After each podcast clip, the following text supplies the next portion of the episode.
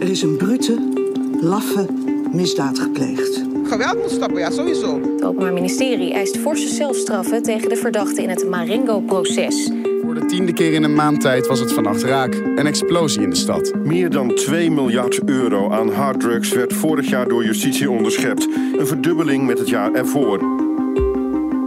Welkom bij de Parool Misdaad Podcast. In deze podcast praten misdaadjournalisten Wouter Laumans en Paul Vugts je elke twee weken bij over grote en kleine misdaadzaken. Nieuwe afleveringen zijn eerst een week exclusief te beluisteren op parool.nl en in onze app. En een week later verschijnen ze in andere podcast-apps zoals Spotify. We hebben het in deze podcast vaak over de georganiseerde misdaad, maar uit het overzicht van het aantal doden door geweld in Amsterdam vorig jaar blijkt dat er nul liquidaties waren. Wel vielen er twaalf doden door geweld. We lichten er één opvallende zaak uit: de dood van Jane Johnson. Het lichaam van deze 65-jarige vrouw werd in een kist in haar woning gevonden. Wouter, jij hebt deze zaak voor het parool gevolgd. Hoe uh, kwam je er terecht?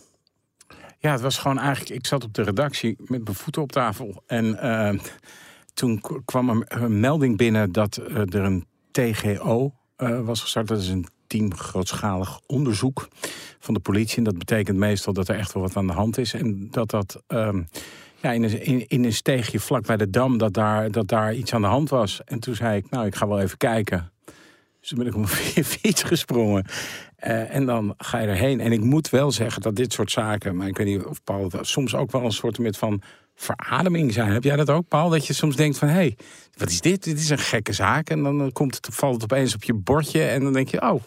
Ja, zeker. Los dat het natuurlijk tragisch is voor alle betrokkenen, maar dat je, het heeft een kop en een staart en het, het, zit niet in een groot web van, van extreem uh, georganiseerd geweld, maar gewoon een zaak, uh, een soort baantje aflevering moet ik ja. er soms aan denken. Dat, dat je denkt, hey, even, je probeert zelf uit te zoeken, maar je weet, uh, dit is een uh, feitencomplex uh, dat uiteindelijk overzichtelijk is als je een paar stappen achteruit zet. Uh, en dan, dat is ook wel eens een keer goed om je zo'n zaak dan even een beeld te vormen. Zonder dat je meteen terechtkomt bij de Ridwan Taghi-verdenking. En, en Precies.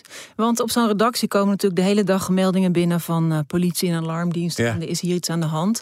Wanneer weet je, weet je dan als je erheen fietst, hier is echt iets aan de hand waar ik wat mee kan? Ja, door, het, door dat opstarten van een TGO. Dat is wel echt een indicatie dat er iets aan, aan de hand is. Hè. En is dat te zien? Is het dan pas dat er afzetlint hangt... of dat nou ja, er een ik, tent staat of veel uh, politiewagens? Nou ja, ik liep dus die uh, jonge roelensteeg, want dat was hem, die liep ik in. En daar zag ik inderdaad een heleboel politie staan. Uh, en daar waren ze bij, daar heb je allemaal wat koffieshops en wat cafeetjes. En daar waren ze aan het zoeken. Uh, mm. En wat je dan dus krijgt, is dan ga je dan een beetje bijstaan in de hoop iets op te vangen. Ja, sta je met je handjes op de rug en dan een beetje. Ja, met je bloknoot hè, ja. aan, aan, in de aanslag. En dan sta je daar een beetje de raas en de reporter uit hangen. Uh, en dan probeer je ze, nou dan ga je eens vragen bij de buurman. Hè, goh, weet u wat? En, ik kan me herinneren dat een van die buren zei sodemiet op. Uh, nou goed, en dan ga je bij de volgende buurman mm -hmm. vragen of daar wat is. En zo langzamerhand uh, kwam eigenlijk het beeld, en dat kwam ook door, door communicatie vanuit de politie, dat daar een, een, een vrouw uh, in dat huis had gewoond en dat die al een hele lange tijd uh, vermist was. En dat, kwam, dat druppelde dan, druppelt op zo'n moment dan een beetje allemaal binnen. Uh, en, en soms weet men op de redactie ook veel meer dan wat jij ter plekke weet. Dus toen, toen werd ik gebeld door een, door een, ik denk een chef, een eindredacteur, die, die belde mij en die zei van ja, er is nu een bericht van de politie dat zij al een maand vermist was. Oh ja, toen wisten we over welke persoon het zou gaan. Ja, Jane Johnson, uh, Amerikaanse vrouw. Uh, en dan ga je eens vragen hier en daar van, joh, kennen jullie die Jane Johnson? Nou ja, die kenden ze wel en die hadden ze al een tijd niet gezien.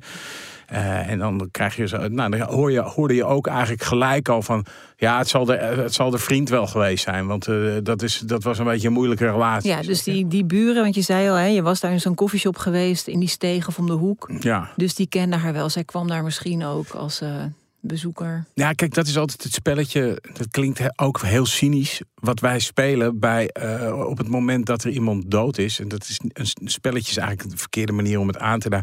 Maar je hebt uh, zo'n zo, bordspel dat heet uh, Wie ben ik? Of die, weet je wel, dat je met die, die kaartjes Ja, naar beneden... Heeft hij een bril of heeft hij Ja. eh, haar? Eh, want wij willen eigenlijk altijd heel graag weten wie, wie is dat die door geweld om het leven gekomen is. Dus dat is zeg maar wat je dan op zo'n moment, maar ook bij liquidaties, hè, als je hoort van joh, er is een heftige schietpartij eh, in Amsterdam Zuid geweest en er is iemand overleden, en twee mannen op een scooter er vandoor, dan wil je ook gelijk weten wie is dat dan, snap je? Want dat, Paul, bij de meeste zaken die bijvoorbeeld onze nieuwsdienst oppakt, bij, dan horen we wel, er is een dode, maar een identiteit komt echt pas veel later. Ja, En jullie zijn vaak eerder dan, ja. eh, dan de politie die het nou ja, dat heeft. is dan. eh, en of het nou een spelletje moeten we eh, noemen of niet, maar dat is in elk geval een soort Nou, het is jullie tak van sport. de manier van doen. ook. Ja, en ehm, kijk, ik zeg altijd ook tegen nieuwe stagiairs of jonge collega's of zo van als je de kans krijgt, ga naar die plaats delict.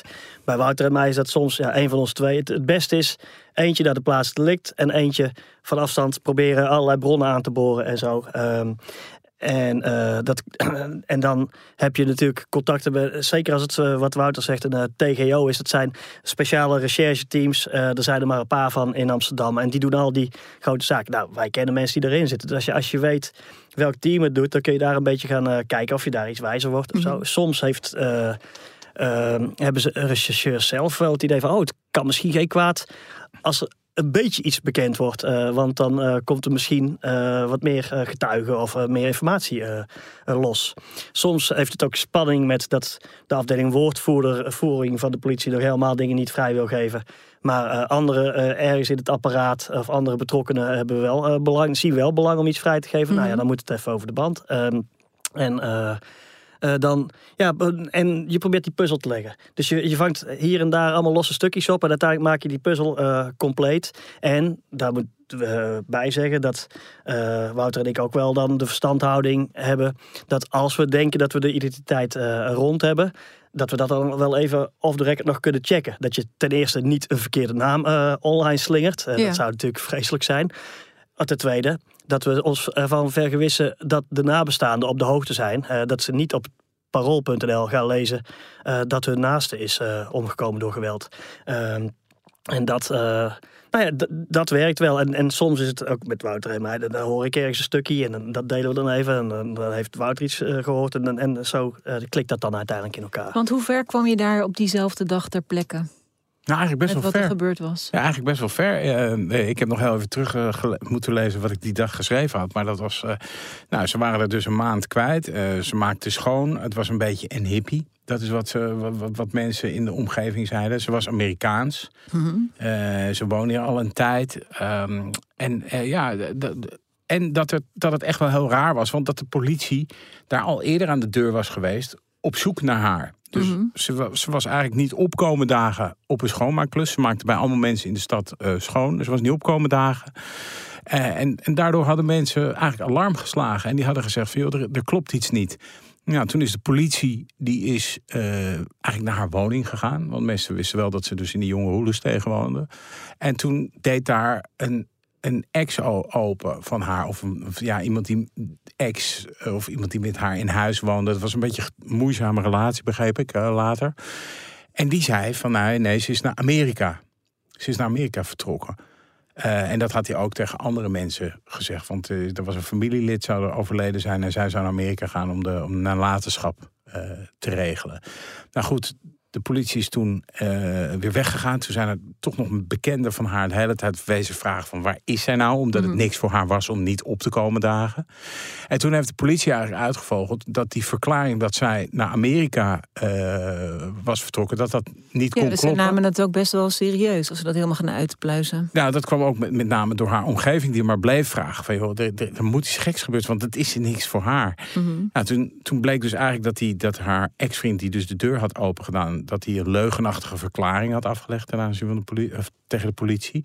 Want ze konden dus niet eh, vluchtgegevens naar Amerika vinden waar haar naam op stond. En oh, ik geloof ook dat ze dat de paspoort. eh er was iets met haar paspoort. Volgens mij lag dat nog in de woning. Of dat was niet verlengd, iets in die geest. En toen is de politie in die, eh, in die woning geweest. En daar zijn ze geweest. En hebben ze aanvankelijk niks gevonden. En toen zijn ze verder gaan zoeken. En dat is op die 6 oktober geweest. En toen is haar lichaam eh, in een soort metalen kist... in een eh, leegstaande plantage gevonden in die woning. En, en die vriend is, die is Ja, aangehouden. het klinkt niet alsof je daar zelf in bent gaat liggen. Nee, dat kan, ze was overleden, dus dat kan ook helemaal niet. Weet je wel? Dus, dus ja, dat, en toen was het. En toen stond, dus dat hoorde ik zeg maar allemaal zo'n beetje gaandeweg. En toen, toen Maar dat hoorde je al van omstanders toen je daar stond. ja, dat ze al langer naar haar op zoek waren. En dat, eh, dat eh, een van die mensen zei, ja, ze zijn al dagen bezig. En toen dagen bezig. En toen, eh, en, en, maar dan hoor je dus ook allemaal ruis. Hè? Dus je hoort gelijk, nee, ze hebben er in de schoorsteen gevonden. Ze hebben er op het dak gevonden. En Weet je wel, dat, dat soort dingen hoor je dan ook. En dan, ja, het is toch. En dat klinkt natuurlijk allemaal super spannend. Maar het moet wel kloppen wat je eh, opschrijft. Ja, dus uiteindelijk wat je hoort, hè, ze is in zo'n kist gevonden. Dat hoor je dan uiteindelijk toch van de onderzoekers of de politie. Nou ja, het was dus zo dat ik in die steeg stond. En toen werd die kist, eh, dat, die woning uitgetild. Dus, en toen dacht ik, ja, maar dit is wel, dit is wel zo'n apart verhaal. Ja, Eh, dus toen heb ik een bericht gemaakt. En toen dacht ik wel gelijk van, ja, ik wil wel weer meer weten over wat hier achter zit. Dit is zo'n, dit, dit gebeurt niet elke dag. De grap is dat eh, natuurlijk binnen de politie eh, heb je natuurlijk ook wel verschillende kampen dan. Want degene die uiteindelijk die eh, kist vinden en zo, die gaan natuurlijk wel even bij de collega's die al eerder bij je in en bij die woning zijn geweest vragen van. Jezus, eh, je hebt even iets over het hoofd gezien, eh er lag een lijk eh, onder je ogen. En dat is niet opgevallen. Dus dat, dat krijgt ook zo'n soort eh, eh, dynamiek, zeg maar. Zoals wij natuurlijk als journalisten ook wel kunnen hebben. Dat, dat, je, dat je denkt, hoe, hoe kan ik dit niet gezien hebben? Weet je wel, iets, iets wat achteraf heel belangrijk blijkt. Dat je in het begin... Stel nou, Wouter was niet scherp geweest. Die dacht, ja, Kisten zal misschien... i- i- Spulletjes. spulletjes in zitten of zo. Terwijl het lichaam erin zit. Als je daar later achter komt, dat, dat, dan vond je natuurlijk wel een beetje eh, vervelend daarover. Maar daarom is het wel altijd goed als het kan om eh, naar die plek toe te gaan. Gewoon ouderwets. eh, en Wouter noemt het altijd keepersgeluk als je dan iets vindt. En dat is te bescheiden. Want het is gewoon doordat je daar bent, eh, vang je dingen op. Ik zeg ook wel tegen jonge collega's. Als je het echt niet weet, blijf een beetje bij de afzetting in de buurt van zo'n agent staan. Die krijgen namelijk op hun portofoon van alles binnen. Eh, en soms hebben ze een oortje in, hoor je het niet letterlijk. Maar je vangt gewoon snippertjes op, weet je wel. En, ehm, en elk snippertje is een snippertje. En eh, uiteindelijk kun je daar soms wel iets mee, soms niet. Moet ik bijzeggen. Wout er net ook al aan. Dat soms eh, zijn dingen achteraf totaal anders dan je in het begin zou, eh, zou denken. Soms zit je bij een rechtszaak en dan wordt het hele dossier, de- alle feiten en zo worden doorgenomen. En dan denk ik, wow, ik was die dag daar. En ik dacht echt totaal dat het anders zou. Ja, dat maar heb ik ook altijd. ja, Ja. en dat dacht de politie ook, hè? Ja. Want zo werkt het ook. Je krijgt maar dat het bijvoorbeeld geen moord is of wel een moord is. Nou ja, maar soms, gewoon de- soms dan heb je iets over het hoofd. of, of wel een klein detail heb je opgemerkt. En dan dat heb je niet geregistreerd als een belangrijk detail. Omdat je gewoon op andere dingen let. En dat blijkt dan later iets cruciaals eh, geweest te zijn. Bijvoorbeeld, eh, ik heb wel eens gehad dat iemand eh, bij een afzetting. Dat dat eh, later bleek dat dat een, een, een cruciaal figuur was in die zaak. En die stond daar eh, nogal amok te trappen. Die stond gewoon zelf te kijken. Ja. Ja, die had het niet, was niet de dader, maar was een hele belangrijke. Die, die speelde een rol in het conflict. Ja, waarin bij andere- liquidatie Ja, was bij liquidatie was dat. Dan staat er iemand op een- enorm te schreeuwen aan dat lint. En dan denk je, wat is dit voor. een- En dan blijkt dat een, een familielid te zijn of een vriend. Of weet je wel. En dan, dan vang je flarden op. Maar dan snap je niet helemaal precies wat er, wat er nou gezegd wordt. Maar wel, wat wel vaak zo is, is dat mensen die in emotie verkeren, heel open zijn. Ja. Dus dat, dat ja, dat is. Ook als je zegt dat je journalist bent. Ja. Ik heb het ook wel bij een liquidatie gehad, niet zo heel erg lang geleden. Eh, dat was heel breed afgezet. En toen kwamen allerlei familieleden helemaal hysterisch eh, eh, aanrijden, inclusief kinderen. En die sprongen over die afzetting en die renden naar die plek. Was op een parkeerterrein was iemand doodgeschoten. Ehm, en daar hoorde ik dat er een klein kind eh, eh, betrokken was. Eh, het was namelijk zo, dat- kind had hij net uit de zwemles eh, gehaald. eh, en achter op de bank gezet van de, van de auto. En toen is hij doodgeschoten. Achteraf pas dat, dat precies op hoe, hoe zij... Zij riepen een naam. Zij, en zij liet zich niet tegenhouden door de agenten die geacht werden... die uh, plaatselijk te bewaken. omdat zij naar Zij het wist kind dat, toe ja. wisten, wilde natuurlijk. En en dan is dat achteraf heel waardevol dat je er toen gewoon ter plaatse was. Want dan kun je ook in je latere berichtgeving dat plaatsen en die, die kleuring ook meegeven. Ja, dat gebeurde hier dus ook. Dus ook, ik, ik stond er even verderop, even, en, nadat eh, haar lichaam was afgevoerd, stond ik eh, een spaatje te drinken. Eh, en toen kwam er iemand, ja, that lunatic killed someone, he killed someone. En toen kwam ik eigenlijk, oh ja, dat zal. eh, en toen begon iedereen, ja, dat is, dat is die, eh, dat is die eh, Sebas. Die man die bij haar woonde. Ja, dat is hij. Want die, en die, er is wel vaker politie geweest en dit en dat. En dat, dat is, die, die gast is gek, weet je wel. Dus dan hoor je best wel ook veel. Terwijl, ja, ik sta dan met mijn bloknootje aan de bar aantekeningen te maken. En dan probeer je dat later ja, toch wat handen en voeten te geven met andere bronnen, om het zo maar eens te zeggen. Ja, want wanneer besluit je, want jullie hebben natuurlijk eh, heel veel dingen gebeuren er in de stad en eh, je moet allerlei stukken tikken en verplichtingen en andere dingen. Wanneer besluit je om er nog meer tijd aan te besteden aan zo'n zaak? Want je kan ook denken, nou, eh, de politie heeft het lichaam gevonden, er Ja. is waarschijnlijk een dader gevonden. Case closed voor mij, hè? er zit geen verhaal meer in. Maar waarom Nou, koos je hiervoor om nog door te gaan? Deze zaak intrigeerde om een aantal redenen. Omdat deze vrouw best wel bekende schoonmaakster in de grachtengordel eh, was en, en daarbuiten. Mhm. Eh, het tweede was dat ze uit Amerika eh, kwam en hier illegaal verbleef. En jarenlang hier onder de radar was geweest. Ze leidde eigenlijk een vrij teruggetrokken leven. De derde manier, reden is natuurlijk hoe ze aan haar e- einde is gekomen. En dat je, dat je dus denkt, ja, het, het, het zegt ergens ook wel iets over eh, Amsterdam. Weet je wel, gek genoeg. Dat je denkt van ja, dit soort mensen hebben we ook in Amsterdam. Die dus gewoon hier al 25 jaar wonen. Zichzelf in leven houden met eh, schoonmaakwerk. Eh, en de vraag die bij mij steeds meer naar voren... Wie is, wie is Ja. deze Ik kan vrouw? me ook voorstellen inderdaad, want je, hebt, je bent ook nog in haar leven gedoken en hebt Zeker. een portret van haar gemaakt. Ja. Ik kan me ook voorstellen dat, dat je graag iemand een gezicht wil geven. Want het, wordt, het is soms een berichtje in de krant van is iemand overleden. En Ja. nu wordt het een verhaal over een mens. Nou, dat proberen we eigenlijk bij alle eh, eh, moorden in Amsterdam te doen. Want dit, dit leek echt wel eh, en lijkt nog steeds op moord. Is er al, is het, je zegt lijkt nog steeds, is er nog geen uitspraak in de zaak? Nee, nog, nou, ik was toevallig was ik gisteren bij een proforma zitting. Daar gebeurde helemaal niets. Uh, maar hij, hij wordt uh, haar, uh, haar ex-vriend, Sebastian M. Die wordt verdacht van moord op haar en wegmaken van haar lichaam. Okay. De advocaat zegt, nou, hij heeft wel bekend dat hij haar lichaam heeft weggemaakt, maar hij heeft er niet vermoord. En dat is waar deze zaak om zal draaien. Van joh, heeft, kan bewezen worden dat hij haar vermoord heeft. Of Precies, of heeft hij haar uh, dood in bed gevonden en raakte die in paniek, zo'n verhaal? Ja, van de trap gevallen in uh, kennelijke toestand. Dat is nu een beetje het verhaal. Kijk, in principe uh, vinden wij dat het parool alle doden door geweld in Amsterdam uh, in elk geval uiteindelijk uh, het beeld moet complementeren van hoe heeft dit gezeten. En in het slechtste geval is dat als de strafzaak helemaal pas dient en daar ja, rechtbankverslaggever is makkelijk. Je gaat gewoon in die persbank zitten en het wordt allemaal volgehouden. Maar mm -hmm. Wouter en ik hebben wel de ambitie om uh, waar het kan vaak eerder te zijn met die uh, berichtgeving. En ik kan de ene keer ja, ben je toevallig naar de plaats delict omdat daar een teentje is en je zit met je uh, voet op tafel. dus, uh, Wouter is de enige op de redactie die dat, die dat doet hoor. Ja, is waar. maar uh, de andere keer is het, nou ja, ik heb misschien wel een aardig voorbeeld nog van vorig jaar is pal naast de redactie van het Parool in een van de nieuwe uh, panden die daar gebouwd uh, is, een Italiaanse expert, een computerexpert, uh, om het leven gebracht. En de dag dat, dat, hij, dat, dat dat naar buiten kwam, gewoon via persberichtje, is nog iemand vanuit de redactie even gewoon naar beneden gelopen en daar eens even gaan kijken. En zo. Die kwam niet zo vreselijk veel verder. Maar dan denk je, oké, okay, zodra we tijd hebben, uh, even kijken wat, uh, of we hier iets meer te weten kunnen komen. En dan ga je toen... toch even aanbellen bij de buurman. En, uh... Ja, en dat leverde nog niet zoveel op. En toen had ik dan, wat Wouter keepersgeluk uh, noemt, iemand die informeert bij me van, hey, is het misschien zo en zo? Want we hebben een, uh, een verdachte, is er in in Rotterdam was een verdachte aangehouden voor iets met mogelijk een levensdelict. En wij hadden hier een levensdelict. Mm-hmm. En toevallig legt iemand die, die link. En toen ging ik een beetje rond uh, vragen. Zo, toen bleek her en der dat, uh, dat, dat er inderdaad een uh, connectie was. En wat bleek nou? Dat um, de, dit slachtoffer had een, een aan-uit-relatie met de uiteindelijke uh, verdachte. En die uiteindelijke verdachte die was al, laat ik zeggen, in beeld bij uh, uh, de psychiatrie.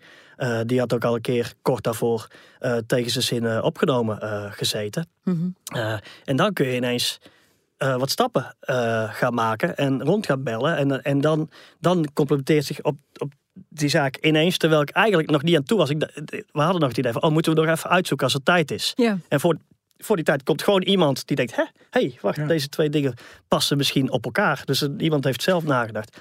En nou ja, dat kan het soms zijn. Het kan, uh, ja, het kan uit, uit alle hoeken komen. Uh, het kan ook zijn dat, dat een van de nabestaanden denkt: wacht eens even.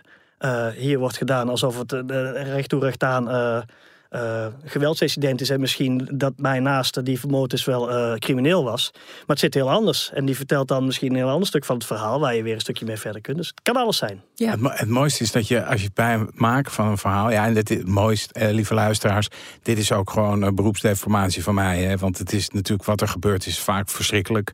Maar uh, ja, soms dan heb je gewoon dat je denkt: wauw, dit is wel een heel, heel rare wending. Dus dat je een soort professioneel, uh, professionele lol hebt, zou ik maar zeggen. Um, een paar weken geleden zijn we Paul en ik een verhaal aan het maken over die 15-jarige jongen die uh, in de pijp uh, is, is, is gegijzeld. En je hoort. Ja, die werd weggevoerd in en je een hoort eigenlijk, Ja, je, je hoort eigenlijk van één bron hoor je van uh, ja, dat heeft te maken met een, met een, met, met een diefstal van iemand. En daar zijn nou die mensen allemaal zo'n beetje bij betrokken. En dan hoor je van iemand anders opeens van ja die, die, die, die jongen die is ontvoerd, die was aanwezig bij een woningoverval uh, op het en dan op Minervaplein. En dan kan je, op, kan je opeens zeg maar één en één aan elkaar koppelen. En dan valt opeens een soort. Terwijl als je naar het kale ja, feit kijkt van 15 jaar, is. Ja. ja, van een 15-jarig joch dat op, op, op, op, op, s ochtends vroeg, terwijl iedereen zijn kinderen net naar school heeft gebracht, in de pijp achter in een busje wordt gestopt. Wat natuurlijk een afgrijzelijke uh, delict is. Um, denkt iedereen, wat is dit hier nou aan de hand? En je wil als journalist dat toch altijd uh, het verhaal daarachter brengen. En wat je dan altijd leert is uh, dat het allergevaarlijkste voor een journalist is dat je dingen gaat aannemen en invullen. Ja. Dus Engelsen zeggen, do not assume, it makes an ass of you and me. Um, je mag geen aannames doen. Uh, als je het zelf gaat invullen, een kind dat in een busje wordt getrokken, dan kun je denken, ah, mogelijk is zijn vader een drugshandelaar en is dit om een druk te zetten of zo, zoiets, weet je wel. En achteraf blijkt het allemaal wendingen weer te kunnen nemen. En... Um, en dat is uh, ook de, niet alleen de les die je jonge collega's leert, maar de les die je jezelf ook blijft inprenten. Van wacht, het uh, it walks like a duck, it quacks like a duck, maar is het wel een eend, weet je? Mm. Dat, uh, we gaan niet publiceren voor we weten of het een eend is of een kip. Ik vind, ik vind dat ook altijd zeg maar, het meest bijzonder aan dit soort verhalen. Dat je dus, je, je hè, want je gaat met bepaalde aannames, lees je dat in de krant. Dat, mm -hmm. Wat dat betreft zijn wij zoals iedereen. Je leest, nou, uh, dat zal wel dit zijn, denk je dan. Dat zal dan.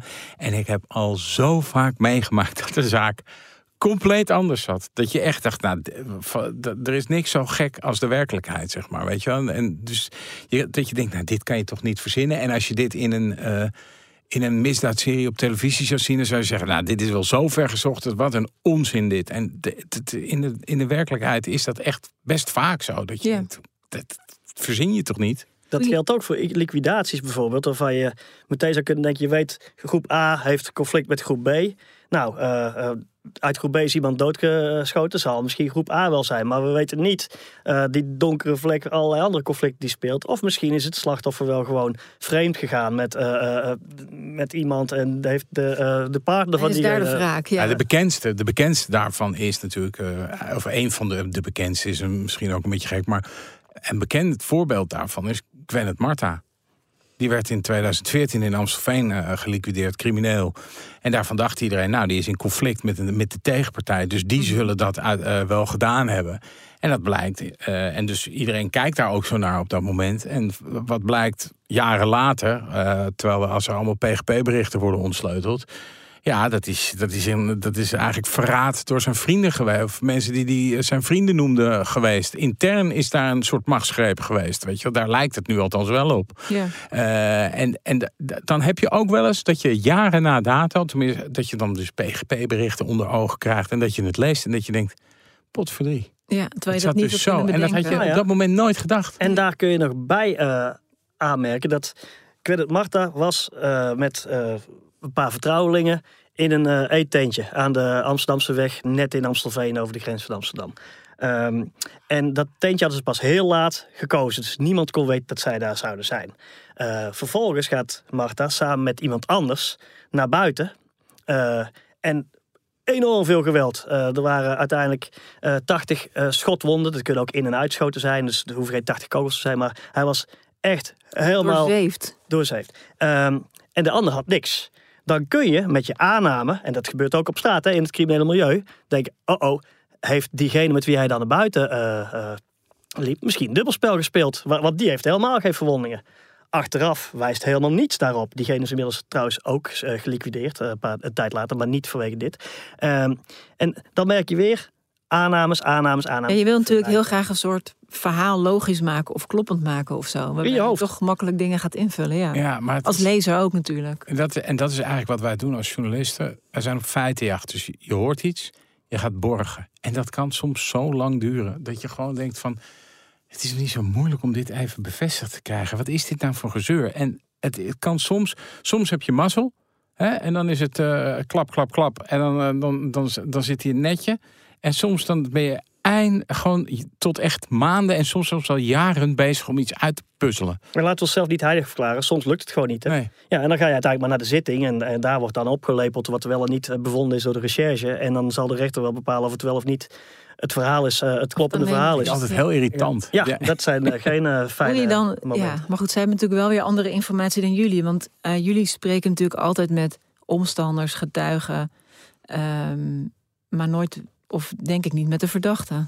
Nou, maar mm, Als iemand wel. aangehouden zit en die zit in beperkingen... dan komen we er vrij lastig Dat bij. niet. Ja. Maar andersom, kan- het kan wel als iemand bijvoorbeeld, als het een, een nog weinig bewijs is en iemand komt op vrije voeten en zo, en die kan wel gewoon weten, denken, wacht eens even, het beeld is dat ik dit heb gedaan, maar eh, Ja. dan weten we dan wel, dit en dit en dit is ook in het dossier opgedoken, weet je wel. Nou, dan gaan we dat niet blind aannemen en in de krant zetten, maar wij gaan natuurlijk wel daar dat, dat weer aangrijpen als eh, eh, puzzelstukjes. En, en zo, en soms kom je eh, er is in, eh, in juni eh, verschrikkelijk in de, in de binnenstad een, een Engelse jongen, student, doodgestoken. En dat was ook lang de vraag, wat is hier aan de hand? Of die gewoon pech had van verkeerde plek, verkeerde moment. waarschijnlijk degene die nu verdacht is en behoorlijk wat bewijs tegen hem.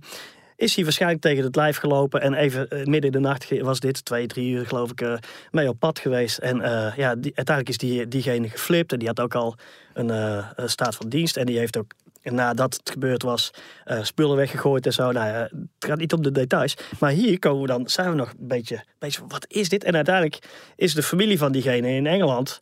Ja, die, die doen een stille tocht en die zijn het in, inzamelen voor, voor, voor een eerbetoon, weet, weet ik veel wat. En dan kom je gewoon online ineens, hé, hey, wacht, hier, alles wat we wilden gaan uitzoeken, eh, komt hier even gewoon, staat gewoon even online in een obscuur eh Engelse eh, medium eh, website, namelijk de naam van het slachtoffer, de omstandigheden, eh, foto's en weet ik. Nou, en dan maak je contact met die familie of met mensen om die familie. Dan, die vertellen je van alles en daar kun je dan weer mee verder puzzelen en zo. Dus, dus het kan echt op honderd en één manieren tot je komen dat je weer een nieuw stukje hebt, waardoor je een stukje verder kunt gaan. Laten we even teruggaan naar Jane Johnson. Hoe ben je uiteindelijk verder gegaan toen je weg bent gegaan bij de nu- nieuwe Roelensteeg? Zeg ik het goed? Ja, toen heb ik gewoon die dag een verhaal getikt. En toen heb ik eh, eigenlijk gedacht van hoe, hoe kom ik nou verder te weten wie deze vrouw is. Eh, en toen ehm, eigenlijk ben ik zo eens een beetje her en der gaan vragen van joh, is er iemand bij wie zij schoonmaakt?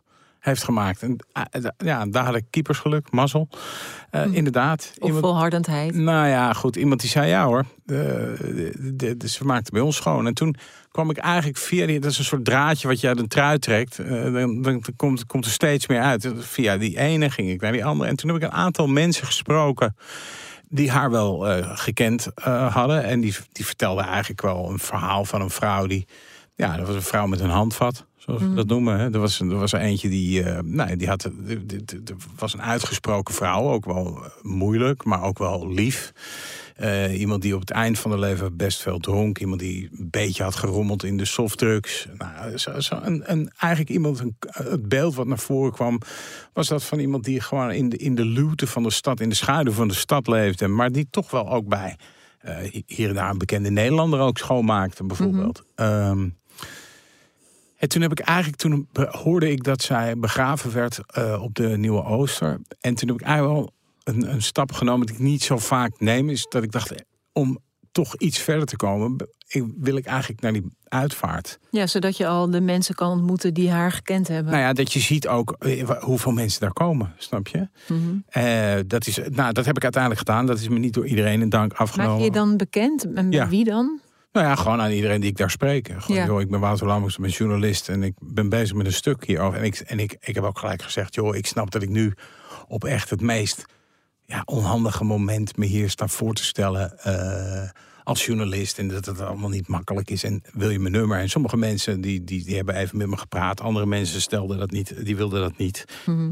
Eh, en, maar ja, toen had ik wel zo'n beetje, had ik wel een soort voor mezelf een totaalbeeld. Toen heb ik het stuk geschreven. Dat heb ik ook een aantal bronnen weer teruggestuurd. Heb je familie van haar gesproken eigenlijk? In Amerika nee, maar oh, ik heb begrepen dat zelfs de Dus in politie... Nederland was ze alleen zonder familie. In Nederland was, ja, eh, ze, ze, zij is geboren in Californië en ze is ergens medio jaren negentig naar Nederland gekomen. En ik heb begrepen dat de eh, politie dat die ook he- heel erg onderzoek heeft gedaan naar haar roots in Amerika. En dat ze eigenlijk geen familieleden he- hebben kunnen terugvinden. Ehm ja, en toen, dus, dus toen ik vlak voordat ik dat stuk eh, eh, ging publiceren, heb ik het ook nog wel naar een aantal mensen teruggestuurd die ik gesproken had. Mhm. Eh, om toch te kijken van, joh, klopt het beeld wel dat wat ik hier schets? Ga ik niet, eh, weet je, ik kende die vrouw niet. Dus wat ik opschrijf is allemaal uit tweede hand, weet je. Nou, die, en die zeiden van dat, eh, dat het wel redelijk klopte. Of dat het gewoon klopte. En, en toen hebben we gepubliceerd. En dan is, wat dan soms wel eens gebeurt, is dat dan toch iemand zich niet kan vinden in het portret wat je eh, Ja. dan schrijft. En dat hij daarna achteraf toch heel ontevreden mee is hoe het dan in de krant eh, komt. Ja, en dat is toch altijd, dat vind ik ingewikkeld. Ik vind het ook ingewikkeld voor zo iemand. Dat je komt vaker voor, hè? We hebben vaker mensen die zich Ja. niet herkennen. Of, eh, Ja, maar ja, aan de andere kant, weet je wel, ik geef wel, probeer echt wel iedereen de gelegenheid te geven om, om met mij te praten. En als je dan zegt van ja, ik wil dat niet, en vervolgens achteraf daar boos over bent, dan vind ik dat ook wel weer ingewikkeld. Je hoeft niet met me te praten, absoluut niet, weet je wel. Maar ja, dat, dat heeft ook, eh, daar, daarmee kan, je ook niet het beeld wat ik heb eh, mogelijk beïnvloeden.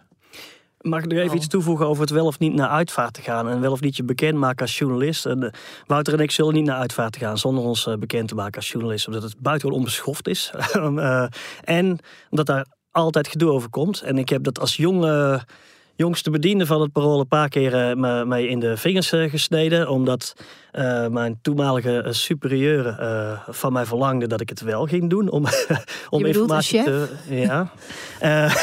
En ehm, eh, daar heb ik twee keer ehm, hele rare ervaringen eh, mee gehad. Bijvoorbeeld, de ene keer was eh, bij de. eh, Nee, twee kort achter elkaar. Na liquidaties. eh, Bij de uitvaart van Sam Klepper. Dat was vermoord in grimmig. 2000. Maar die werd, dat werd gewoon een nieuws evenement door de aard van de eh, uitvaart. De Hells Angel, hij was aspirant Hells Angel.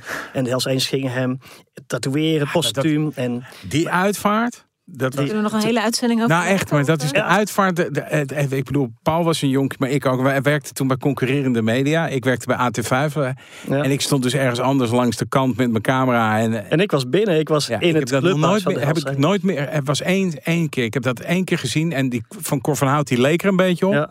Maar die Ja, van dat Sam Klepper, dat was... Want die Sam Klepper, dat was, voelde ik me uiteindelijk niet schuldig. Omdat dat zo'n happening werd door... Dat het een nieuwshappening werd ja, dat was gewoon nieuws. En niemand was ook boos dat we daar eh, van binnenuit verslag over eh, deden. Ja. Dat het, eh, maar vervolgens wordt een paar jaar later, eh, 2003... eh Cor van Hout, nog een andere crimineel, vermoord. En het idee was, die zal misschien wel willen over, overtreffen eh, de uitvaart eh, als, een, als een soort koningshuisuitvaart van eh, eh, Sam Klepper. En toen was onze deadline, je had vroeger nog, toen we alleen een krant hadden, hadden we één keer per dag een deadline. En s ochtends werd er opgebouwd daar met een koets en paarden, Friese stamboek, bla bla bla. Eh, maar de uitvaart en alles zou pas 's middags zijn na onze deadline. En ik voelde als jonkie wel de druk om echt met een substantieel verhaal te komen. En toen heb ik met eh, een collega samen de kapitale fout gemaakt eh, om eh, naar het familieverzamelgebouwtje te gaan. Waar de echt alleen de naasten waren. En we- daar was een kamertje weer naast. En, en daar waren allemaal kaarten en dingen. Dus er stonden we ei- eigenlijk een beetje te kijken wat daar zo al werd gezegd en zo. En op, op een gegeven moment doe ik een deur open eh, sta ik naast de kist. Te, met echt, ik zal het moment nooit meer vergeten. Van, en met de kennis van nu, wat was je daar aan het doen? Nou ja, en probeer Ja. discreet weg te komen. En eh, nou ja, iemand had ons gezien, dat liep me net eh, goed af. Maar toen dacht ik, hoe heb ik me hier Ja, je kan kunnen natuurlijk niet, laten verleiden? De roeien en ruiten gaan alleen voor een verhaal. Nee, en wie het ook is, eh, een begrafenis is heilig. Je gaat niet mensen storen in een eh, eh, begrafenis. Ehm, een andere keer, nog bizarder, of even bizar, ehm, was, was iemand omgebracht. En een, een jonge jongen, een donkere jongen. En wij wisten nog bijna niks. En toen heb ik me laten verleiden door eh, eh, de redactie om eh, naar de uitvaart te gaan. En ik dacht, ga wel een beetje achterin en zo, om te kijken of ik iets hoorde. Ehm, zat ik bij de verkeerde uitvaart. Dus het bleek pas 's middags en ik, ik was daar s ochtends. En, maar toen, ik ben probeerde discreet weg te komen, maar ik was, nou ja, Ja, het is- alleszins niet Het, is- het is iets wat je liever niet doet. Je doet het niet. En, en, en, en bij deze, dit verhaal heb ik de afweging gemaakt van ja, oké, omdat ik anders echt gewoon niet alles of niet genoeg over haar. Nee, maar cruciaal is dat je je voorstelt. Hè? Kijk, Ja. mensen Maar ja, eh, bij deze begrafenis, kijk, normaal gesproken meld je je bij direct de naam. Ja, dat bedoelde ik eigenlijk net toen ik zei, meld je dan. Niet Ja, maar deze, je- deze hier, dus ik heb tegen iedereen die ik heb gesproken gezegd: Hallo, ik ben Wouter Lam, ik ben journalist, ik ben bezig met een stuk over Jane Johnson. Ik werk voor het Parool. Ja, en, maar dat is natuurlijk wel ongemakkelijk. Er zijn mensen in de rouw en ik, het, is, het, is niet, het is niet fijn om dat te doen. Nee, kan ik me voorstellen. En het is voor die mensen ook niet fijn. Hè? Ik bedoel, dat, die, voor, voor die mensen is dat pijnlijk. En we hadden ook een fotograaf bij ons. Nou ja, het is allemaal. Het is, Ja, maar toch merk ik ook, eh, we maken vaker bij ons in de krant heet dat tenslotte, hè, dan maken we een portret van iemand die is overleden. Dat ook ehm, heel veel mensen daar wel aan mee willen werken als een soort eerbetoon ook aan Een monument. iemand die is overleden. En dat kan me voorstellen, kijk, misschien is de uitvaart niet het juiste moment. En was het natuurlijk je moment dat je de mensen kon ontmoeten. Maar dat mensen werken over het algemeen toch best graag mee. Ja, maar dat hangt natuurlijk ook wel eh, ermee samen hoe iemand om het leven is gekomen. dat is Kijk, als dat een geweldsdelict is.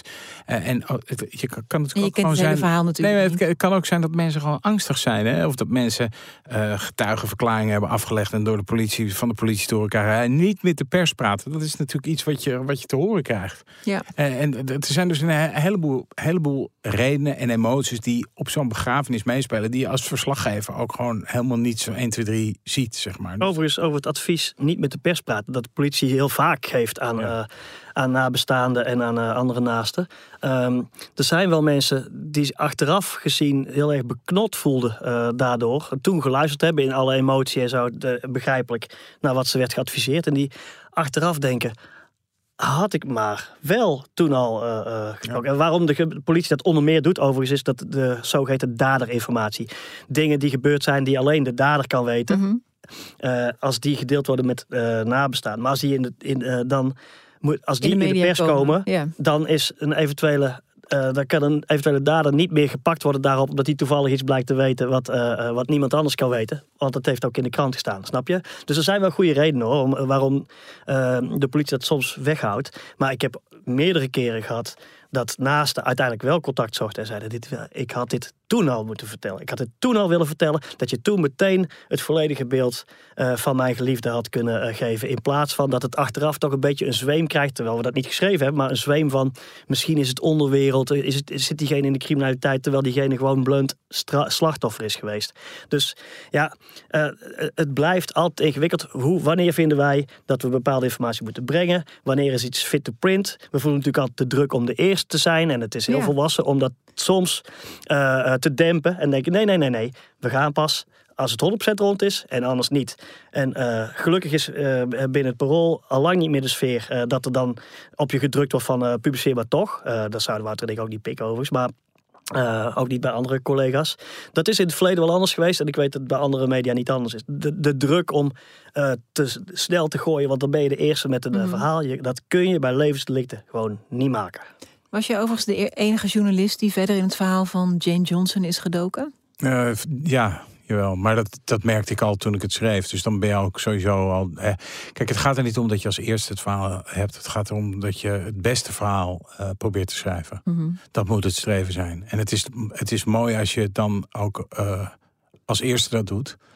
Maar het, het, het, het moet niet je intrinsieke motivatie zijn, omdat je daarmee gewoon het risico loopt dat je bochten gaat afsnijden die je volledig moet nemen. Ja. Eén klein er- twijfeltje doe je het gewoon niet, punt uit. Is er nog, eh, je zei net, je was eh, afgelopen week bij een eh proforma in de zaak Ja. van Jane Johnson. Hoe gaat die zaak verder, denk je? Eh, ja, in juni is de volgende proforma. Kijk, het, het, het, gaat, het gaat erom. eh, om het springende punt is dus: heeft, eh, haar, heeft haar ex of haar huisgenoot, Ja. want ze- hij woonde wel nog bij haar, heeft hij haar om het leven gebracht en kan dat bewezen worden? Er is, er is nu. gevaarlijk is, ik mag het ook niet invullen, maar ik ben het toch aan het invullen. Want ik vind het gewoon een onwaarschijnlijk verhaal dat, die, Ja, dat je iemand in een kist zou stoppen als je iemand onderaan de trap vindt. Hij heeft ook wel iets uit te leggen. Het is wel een lelijk element. het- Ja. ja. en maar toch, hè, dit is zo. Ik zou het nooit opschrijven natuurlijk, maar Nee, kijk, de, de, de feiten zijn dit. Het Openbaar Ministerie verdenkt hem ervan. Zijn advocaat, hij en zijn advocaat betwisten het. Ja. Dat is, en uiteindelijk is het dan toch ja, aan de rechtbank. Het mooie is dat wij dat niet hoeven te oordelen. Ik zou ook heel, heel vaak denk ik, nou, ik ben blij dat ik niet in die rechtbank zit. Ja. Zeg, want eh, eh, niet per se dit dossier, hoor, maar andere dossiers van, ja, enerzijds, anderzijds, dit zijn bewijzen, dit zijn ontlastende eh, elementen. En ja, dat, zoek het maar even uit, zeg. Maar Maar, ja. hoeven wij niet te doen. Maar Corrie, als je er naar kijkt, natuurlijk is het wel een krankzinnig verhaal dat je iemand in een kist op zolder van een woning zet. eh, er stonden ook plantjes op en zo, toch? ja, eh, om haar dicht bij zich te houden. Dat was de. Ja, dit wordt een lastig verhaal in de rechtbank. Het, het wordt ingewikkeld, maar eh, er zijn gekkere dingen gebeurd. Ik geloof het. Wil je meer misdaadverhalen lezen van Paul en Wouter? Download dan de app van het Parool of ga naar parool.nl. Daar zul je ook het verhaal uiteindelijk over Jane Johnson lezen, wat er is gebeurd. Als je niks wil missen, schrijf dan ook in voor onze misdaad nieuwsbrief. Linkjes vind je in de show notes. Vragen en opmerkingen mail ze naar misdaad.parool.nl. Deze podcast werd gemaakt door Wouter Laumans en Paul Vugts... met dank aan Daan Hofstee en Josien Wolthuizen. Mijn naam is Corrie Gerritsma. Dank voor het luisteren en graag tot over twee weken.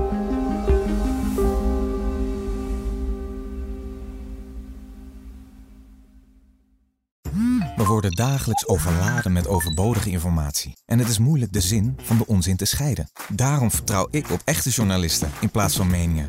Een krantenmens heeft het gemakkelijk. Word ook een krantenmens en lees je favoriete krant nu tot al zes weken gratis. Ga snel naar krant.nl. Bezorging stopt automatisch en op deze actie zijn actievoorwaarden van toepassing.